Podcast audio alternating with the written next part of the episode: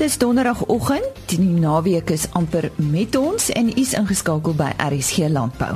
Op vanoggend se program, ons vind 'n bietjie meer uit oor swenkgras. Dan sê Dr. Louis de Pisani van die Nasionale Wolkwekersvereniging dat wolskaapboere tans onder kontantvloei druk is en hy gee raad.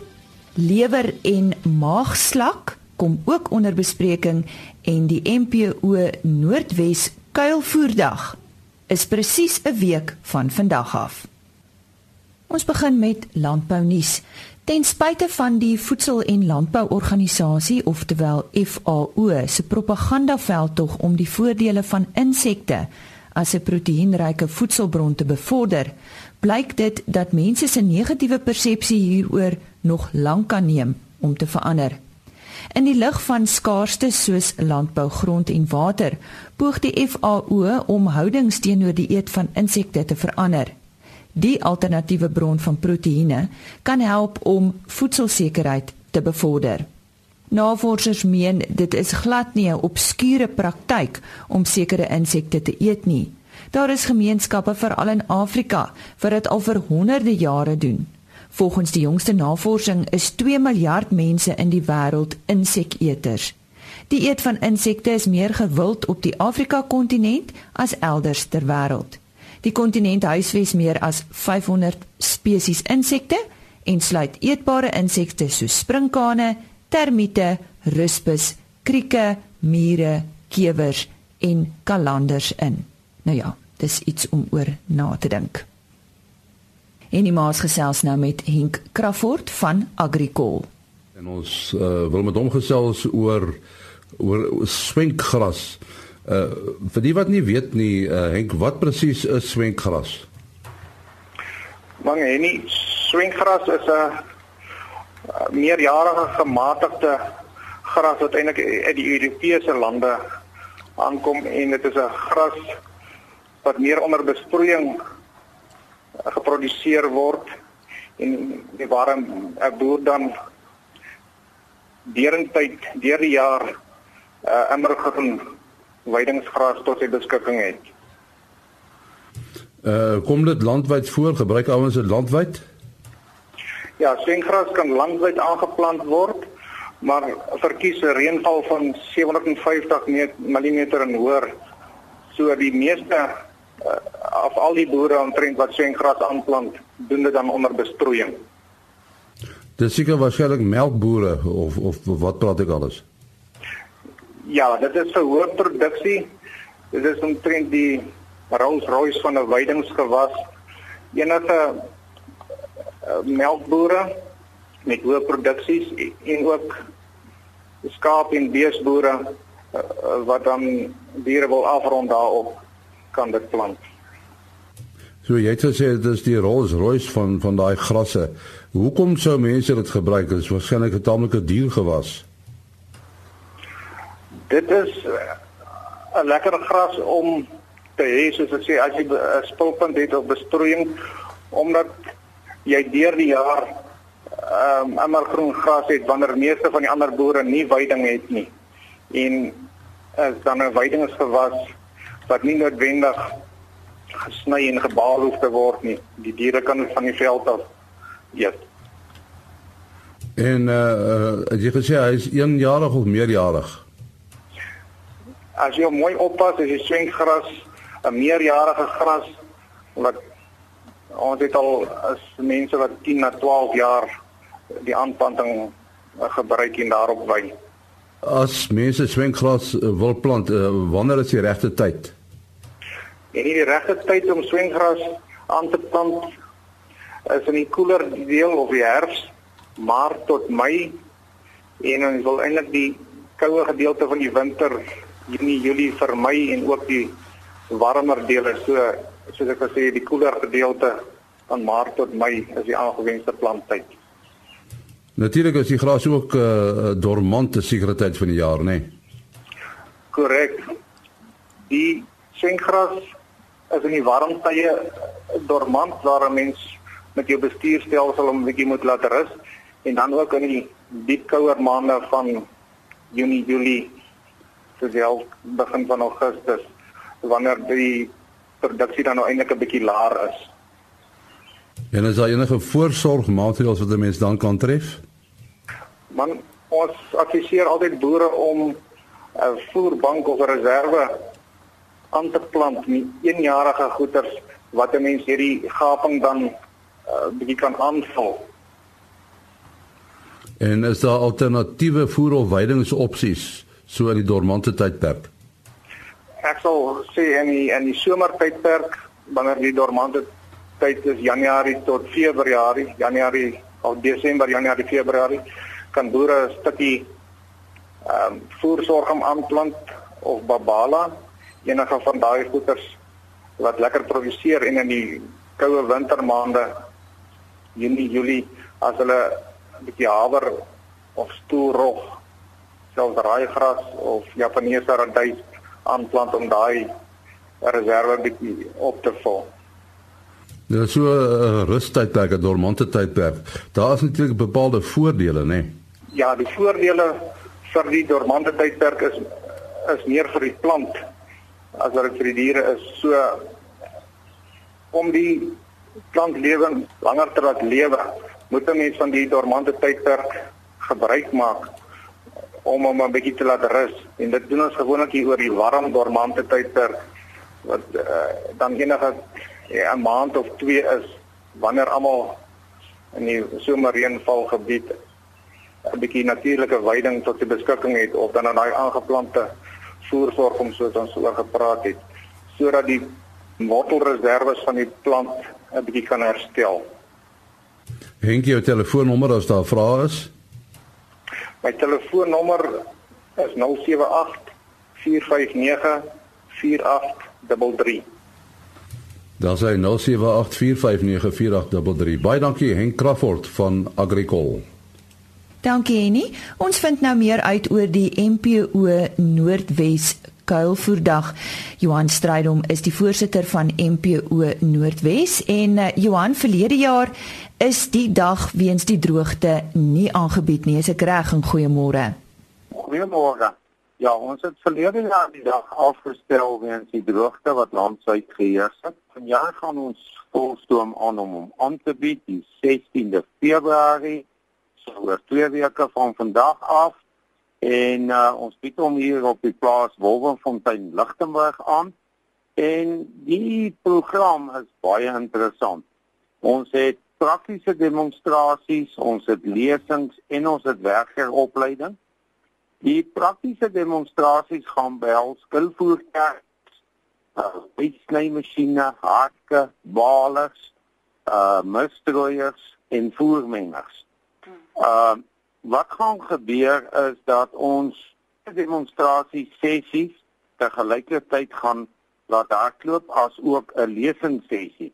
So daar gaan drie verskillende goed op dieselfde tyd plaasvind waar die mense aandag kan gee, besoek of luister of kyk en van die goed word herhaal.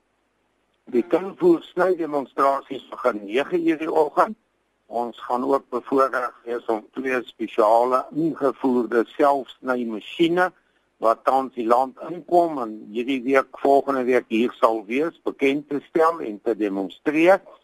Dan gaan ons om 10:00 een sessie hooi sny hartbaal en wrapping van bale en op 'n ander sessie voermengwaans en gewasbespuiting. Dan 12:00 gaan ons op die eerste sessie mengwa gewasbespuiting uh en uh, uh op die tweede sessie gaan ons dan hooi sny hartbaal en wrapping van die bale en 1400 uur gaan ons diverse demonstrasies geleenthede bied. Nou tegelykertyd met die twee demonstrasiepersele gaan ons lesings aanbied. 9uur tot 10uur die kulvoer sny gaan daar geen lesings wees nie, maar 10uur tot 11uur tot 11:30 gaan Albert van Rensburg van Bioman vir ons bekamping van mikotoksine in kulvoer hanteer. Daarna gaan Hoen Dethof uh praktiese wenke en maak van hooi en kulvoer vir ons weergee. Om 12:00 gaan Kenneth Botha vir ons die onderwerp meer kulvoer, meer wins hanteer en om 1:00 gaan Henny de Tooi van NWK vir ons hooi hantering lesing gee en 1400 uur gaan daar lesing wees in verband met waterdigtingprodukte op die plaas. Nou dis die drie sessies wat te gelykheid plaasvind en dan het ons ook werkersopleiding, twee sessies wat te gelyk gaan duur vir die dag. Die een gaan wees trekker in standhouding wat aangebied word deur NWK en die ander een gaan melkstal higiëne wees wat aangebied word deur die Instituut vir Suiweltegnologie. Uh die toegang vir nie NPO lede is R60 vir die dag, maar daarvoor gaan hy uh kan kies wat hy wil eet en 'n koeldrank kry en die werkers wat kom vir opleiding gaan ook 'n eet uh, gereg kry en 'n koeldrank. En uh, Johan, daar's genoeg parkering op jou plaas. Ja, daar's daar's genoeg spasie om al hierdie goed te kan doen en parkering en die vorige aand, die Woensdag aand, het ons 'n boerebraai op die terrein in 'n groot markiestent waar ons twee skape op die spit gaan sit en daar gaan 'n kontant kroeg beskikbaar wees en ons gaan uh ook uh, vermaakkunstenaar kry. Uh wat vir ons uit Pretoria uitkom wat vir ons die aand gaan optree en vir ons vermaak vir die aand gaan verskaf. Die verrassing van die kunstenaar gaan ons laat tot die aand, maar dit gaan nie moeite werd wees om dit by te woon. Die kaartjies is R200 per persoon, maar NPO lede en die persone wat uh, uitstal uh onder hulle kontrak kry hulle dan gratis toegang. Waar kan ons meer inligting kry Johan? Hulle kan vir Benita kontak by die hoofkantoor. Sy is 073 116 8544 of hulle kan my kontak by 082 569 3668. Goed luisteraars, moet net pen en papier byderhand hou. Ek sal na afloop van die onderhoud sal ek ook daai nommers herhaal net om jou af te sluit Johan. Hoe lyk omstandighede in die Lichtenburg Noordwes omgewing op die oomblik? Op die oomblik lyk dit baie goed en ons is baie dankbaar vir die goeie reëns wat ons gehad het. Johan Strydom aan die woord daar, hy's voorsitter van MPO Noord en Noordwes. Soos beloof, die telefoonnommers, die MPO hoofkantoor waar u met uh, Benita Olofsen kan gesels is 012 843 56 00 en haar selfoonnommer is 073 116 8544 Volgende praat ons met uh, Lona Fourie, sy's 'n veterinêre tegnoloog en sy besit ook die Leeuspruit Veterinêre Laboratorium in Standerton. Ons wil met haar praat oor oor lewerslak en maagslak. Nou uh maag en lewerslakke is natuurlik uh teenwoordig by alle rooi vleis diere. Uh ek wil net by jou weet is lewer en maagslak 'n redelike groot probleem in Suid-Afrika? Nee, ja, ek dink dit is nogal 'n redelike uh, groot probleem veral nou dat ons baie reën gehad het ook en ook omdat daar baie plekke is waar daar besproeiing gedoen word. Nou praat ons van lewer en maagslakke. Dis nie dieselfde ding nie, né? Nee. Nee, dis nie dieselfde ding nie, maar hulle kom omtrent onder dieselfde omstandighede voor. Die maagslak kom gewoonlik in die dindarm voor, die onvolwasse maagslak en dis hulle wat die grootste skade aanrig. En dan migreer hulle na die rumen toe waar dit volwasse ehm um, maagslakke word en van daar af word die eiers uitgeskei. Waar die lewerslak in die lewer is en tydens die migrasie van die onvolwasse lewerslak deur die lewer tot in die galbuise word die meeste skade aangerig en dan in die galbuise verander hulle na volwasse lewensslakke en van daar af word die eiers uitgeskei. Die die lewensiklusse van die twee soort slakke, is dit min of meer dieselfde? Dit is min of meer dieselfde. Wat belangrik is tussen die twee se lewensiklus of uh, van die twee se lewensiklus is dat daar 'n tussengasheer moet teenwoordig wees wat hulle gebruik en die tussengasheer is die waterslakke, varswaterslakke dit is hoekom dit baie belangrik is om as jy regtig 'n groot probleem het by die vlei areas weg te bly, want dit is waar die waterslakke is en wat dan die siklus voltooi van die lewerslak en die maagslak. Nou so ietsie oor die siekteproses. Wat is die simptome byvoorbeeld? Ja, die simptome van die maagslak is amper die maklikste om sien te sien en dit is hierdie stinkende diarree, vreeslike diarree en verlies van gewig en en so aan en dit word gewoonlik net ge, dit gebeur gewoonlik net as daar baie onvolwasse maagslakke is. En dan die lewerslak het ander ander tipe van goed ook. Hulle jy kry ook vermaring, maar jy kry vreeslike produksieverlies. En ehm um, dit verlaagde produksie en kwaliteit van melk en verlaagde voeromsetting in jou vleisbeeste en die melkproduksie van jou melkbeeste kan ook negatief beïnvloed word in jou lakterende koeie. En nou die behandeling, hoe kan die parasiete behandel word? Die parasiete word behandel met die uh, middels wat verskaf word deur die farmaseutiese uh, maatskappye. En dit is die beste om enige behandeling met die veearts of die uh, verteenwoordigers van hierdie maatskappye te, te bespreek. Maar wat belangrik is is dat middels gebruik moet word wat beide die onvolwasse sowel as die volwasse ehm um, lewerslak en maagslakke ehm um, kan kan behandel. En dan bitter min van hierdie middels het 'n nawerking.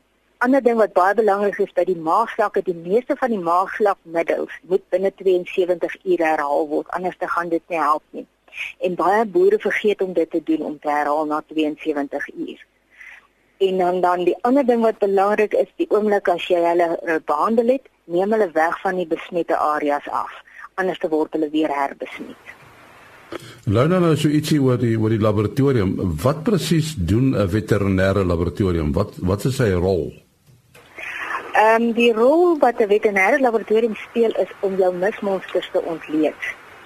Ehm um, die boere bring dit gewoonlik in of deur die veeartse of self en dan uh, kyk 'n mens watse bakterie uh, watse ehm um, parasiete is teenwoordig in hierdie mismonsters en ons kan na die na die nematodes kyk wat jou rondewurms is en dan jou maagslakke, jou lewerslakke as ook die ehm um, lintwurms. Uh, en daarvolgens dan kan hulle hulle in 'n uh, hulle doseringsprogram aanpas. En baie mense bring goed dan weet hulle nie wat gaan aan met hulle hulle uh, uh, diere nie. En dan kan jy vir hulle sê hoe jy sê dit is dit of dit is dit ek het hierdie of hierdie waargeneem in jou mismos. So dit is waar dit uh, inkom waar die laboratorium inkom waar baie 'n rol speel en dit help ook met die ehm um, dit jy nie onnodig te seer nie want ons weet almal dat besering is 'n redelike groot koste. En uh, natuurlik uh, die boere maak seker taamlik goed gebruik van hierdie fasiliteit van julle. Ja, hulle doen nogal. Ja, nee wat, hulle hulle weet wat die waarde daarvan is om dit te gebruik. Goed, ons sê baie dankie aan Lona Fourie daarvan die Leeuspruit Veterinêre Laboratorium en dit is uh, in Standerton. Nou eers nuus oor borrie. Botaniese kruie en plantwortels word deesdae toenemend by bestaande voedselprodukte gevoeg om nuwe en gesonde produkte te ontwikkel. Kruie en plantwortels is natuurlik en bevat allerlei gesondheidsvoordele wat dit bemarkbaar maak vir voedselmaatskappye. Foodnavigator.com berig dat nuwe produkte met borrie as 'n bestanddeel wêreldwyd sedert 2013 toegeneem het. Borrie is die gemaalde wortel van Curcuma longa wat aan die gemmerplant verwant is en gewoonlik in currygeregte gebruik word om die kenmerkende geel kleur te verskaf. 'n koffieverwante drankie wat met borrie gegeur word, bekend as goue melk, word reeds in verskeie lande as 'n moderne, gesonde drankie in koffiekuierplekke bedien. Ek gesels nou met Dr. Louis de Pisani en as ons gewoonlik met hom gesels, gee ons raad aan ons wolskaap boere. En soos hy sê, die kontantvloei druk wat hulle tans ervaar, is ernstig. Hy gee raad. Oralise, ja, baie waar. Uh baie van die produsente ervaar kontantvloei druk as gevolg van die droogte. Onthou die droogte het 'n geweldige invloed uh, nie net op produksie nie, uh maar uiteindelik dan oor die hoeveelhede uh wat die uh, van die produkte wat die boere kan verkoop. Nou die positiewe kant is die wol storie, die die die wolmark is regtig uh, baie goed en uh, baie sterk. Maar mense moet onthou dat uh, jy weet die wol inkomste gedeelte van die totale inkomste van 'n wolskaapboerdery is maar hier so 30-40% uh van van van die inkomste. Uh die die die vleiskant uh, is nog steeds die die die groter deel van die inkomste en en en daarom uh ervaar mense redelike kontantvloeidruk uh as gevolg van die vleisproduksie kant. Nou nou vleisproduksie en reproduksie is maar dieselfde ding. Uh as jy lae reproduksie het, uh dan is jou uh reproduksie ook verlaag. So as jy kontantvloeidruk ervaar uh, op hierdie stadium is dit waarskynlik meer aan die toedoen van vleisproduksie as aan die toedoen van wolproduksie en die wolprys. Uh En Lisa, as ons mens as mens kyk na die na die bestuursaktiwiteite van wat boere in Februarie moet doen, uh dan wil ek graag uh twee aspekte vir oggend uh beklemtoon want dit gaan boere baie help om die kontantvloei druk beter te hanteer en beter te bestuur. Uh 'n klomp van die boere het sodra dit begin reën het hier einde verlede jaar, uh het hulle hulle oeye gepaard Daai oeye is nou op 'n stadium uh, waar 'n mens dragtigheidsondersoeke met hulle kan doen. Nou daar is nog 'n groot persentasie boere wat nie dragtigheidsondersoeke doen nie. En en my pleidooi vanoggend is is dat die boere wat dit nie as 'n standaard praktyk doen nie, dit dan minstens van jaar sal doen. Die rede daarvoor is is ons is nie seker hoe goed uh die besetting van die oeye was met die met die met die uh paarseisoen hier in November, Desember nie. En dis nou tyd om uh om om die uh, dragtigheidsondersoeke te laat doen. Uh kry iemand wat dit vir u doen, kontak die veearts en doen dit minstens van jaar.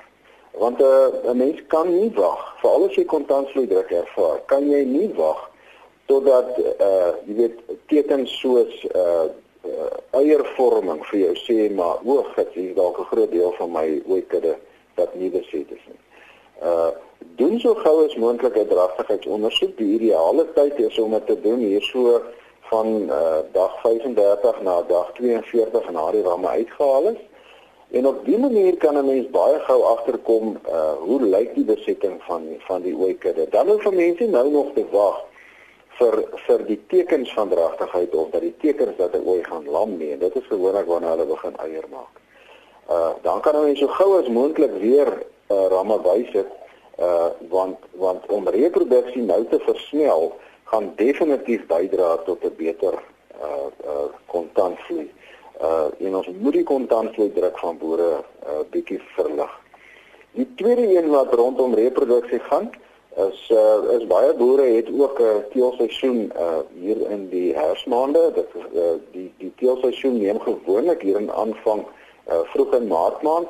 Party boere stel dit uit na na middel april miskien vroeg mei maand hoe dit hoe die hoe die uh, hoe dit ook al sê Elise maak nie saak wanneer die boere in die herfsmaande gaan uh, ramme by die ooiers sit nie maar hulle moet doodseker maak van jaar dat hulle ramme gereed is wanneer hulle na die oeye toe gaan. En mens kan ram ramme nie gereed kry kort voordat hulle na die oeye toe gaan nie. Daai proses begin minstens 6 weke, maar ideaal 8 weke voordat die ramme na die oeye toe gaan. So as 'n mens uh, 'n uh, paar seisoen het wat begin die 1 April, dan moet 'n mens 1 Februarie alreeds begin om daai ramme voor te berei. Nou as jy as jy boere wil weet wat behels ramvoorbereiding, dan kan hulle gerus op ons webwerf gaan kyk. Ons het baie baie oulike uh uh voorskrifte en advies vir boere daar presies wat beteken ramvoorbereiding. Daar's 'n hele reeks van prosesse wat mens moet deurgaan. Waarskynlik die heel belangrikste is as die ramme ingeënt moet word vir siektes en daai inenting veroorsaak 'n koorsreaksie by die ram, dan moet dit so gou as moontlik gedoen word want 'n koorsreaksie by ramme kan tydelike steriliteit veroorsaak en dit neem ongeveer 8 tot 6 weke vir daai ram om sy om hierdie tydelike steriliteit uh, op te hef om weer die semen hoeveelheid te te, te herstel om die semen kwaliteit te herstel. Uh skeer die ramme vroegtydig sodat hulle uh trek uit daai wol jassies wat hulle het sodat hulle dat hulle goed voel wanneer hulle na die hoë toe gaan. Uh die ramme moet fiks wees, hulle moet goed gevoer wees uh daar so 'n hele reeks van van van bestuursaktiwiteite wat belangrik is vir die ramme. Boere wat wat nie hulle ramme as 'n standaard praktyk laat toets vir vrugbaarheid nie. Uh en vir ander geslagsprobleme nie. Moet dit asseblief van jaar doen. Uh want ons moet die reproduksie van van die wolkedis in Suid-Afrika maksimeer van jaar. Uh so kyk gerus daarna uh en dan die oeye wat gedek moet word. Die boere moet baie seker maak dat hulle in 'n groeifase is in terme van hulle kondisie wanneer die ramme bykom. En uh uh daar's twee goed wat baie goed werk uh om oeye in 'n groeifase te kry. Een ding is is om hulle te skeer. Nou ek ek beveel nie aan dat die mense nou ewe skielik die oeye met met kort wol moet skeer nie. As hulle reeds kort wol het, is nie 'n probleem nie. Uh maar as hulle lang wol het, uh 8 uh, maande en dalk langer, skeer hulle. Uh dis 'n baie goeie prikkeling vir oeye om te siklus. Uh die ander baie goeie prikkeling vir oeye om te siklus is wanneer hulle kondisie groei, wanneer hulle kondisie toeneem. Die heel slegste ding wat jy met 'n ooi kan doen is wanneer haar kondisie afneem wanneer die ram bykom. Maar die boodskap wat die ooi se se geslagstelsel dan kry is uh die toestande is nie so lekker nie. Uh, Moenie hierdie ooi onder druk plaas nie en dan gaan sy nie siklus nie. So die heel beste is uh om maar om maar in 'n groeifase te kry. En wat baie lekker werk, uh as jy vaskampe het waar daar lanklaas vee in was, vir daai oeye so uh 4 tot 6 weke voordat hulle by die ram kom, vat hulle na daai varskampe toe. Daai ekstra vars kos wat hulle daar kry, gaan hulle pragtig in 'n groei siklus insit en hulle gaan definitief siklus. So, Lise, as die boere gaan kyk na hierdie twee bestuursaktiwiteite, gaan dit een van die maniere wees om die kontantvloeidruk uh redelik goed af te haal. En ons sê baie dankie aan Dr. Louis de Pisani, hy is die nasionale bestuurder produksieadvies en ontwikkeling by die Nasionale Wolkwekersvereniging.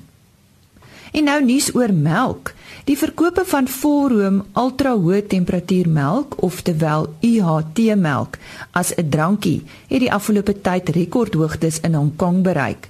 Luidens 'n berig in die melkprodusente organisasie se nuusbrief is 1 liter kartonne UHT volroommelk by tye in die stad van 7 miljoen mense selfs meer gewild as die wêreld se heel gewildste drankie Coca-Cola. UHT volroommelk het die voorkeurdrankie van veral gesinne en jong verbruikers geword. Dit word hoofsaaklik in kettingwinkels verkoop en is gereeld onder die top 10 van drankieverkope in Hong Kong. Melk se voedsaamheid en gesondheidsvoordele word veral in die wêreldstad bemark. Ek is weer maandagooggend om 05:30 op my pos met RSG Landbou. Mag die res van die week en u naweek rustig wees. Mag dit nog reën waar dit nodig is en mag dit goed gaan. Totsiens. RSG Landbou is 'n produksie van Blast Publishing. Produksieregisseur Henny Maas. Aanbieding Lisa Roberts. En uitskoördineerder Martie Kerstyn.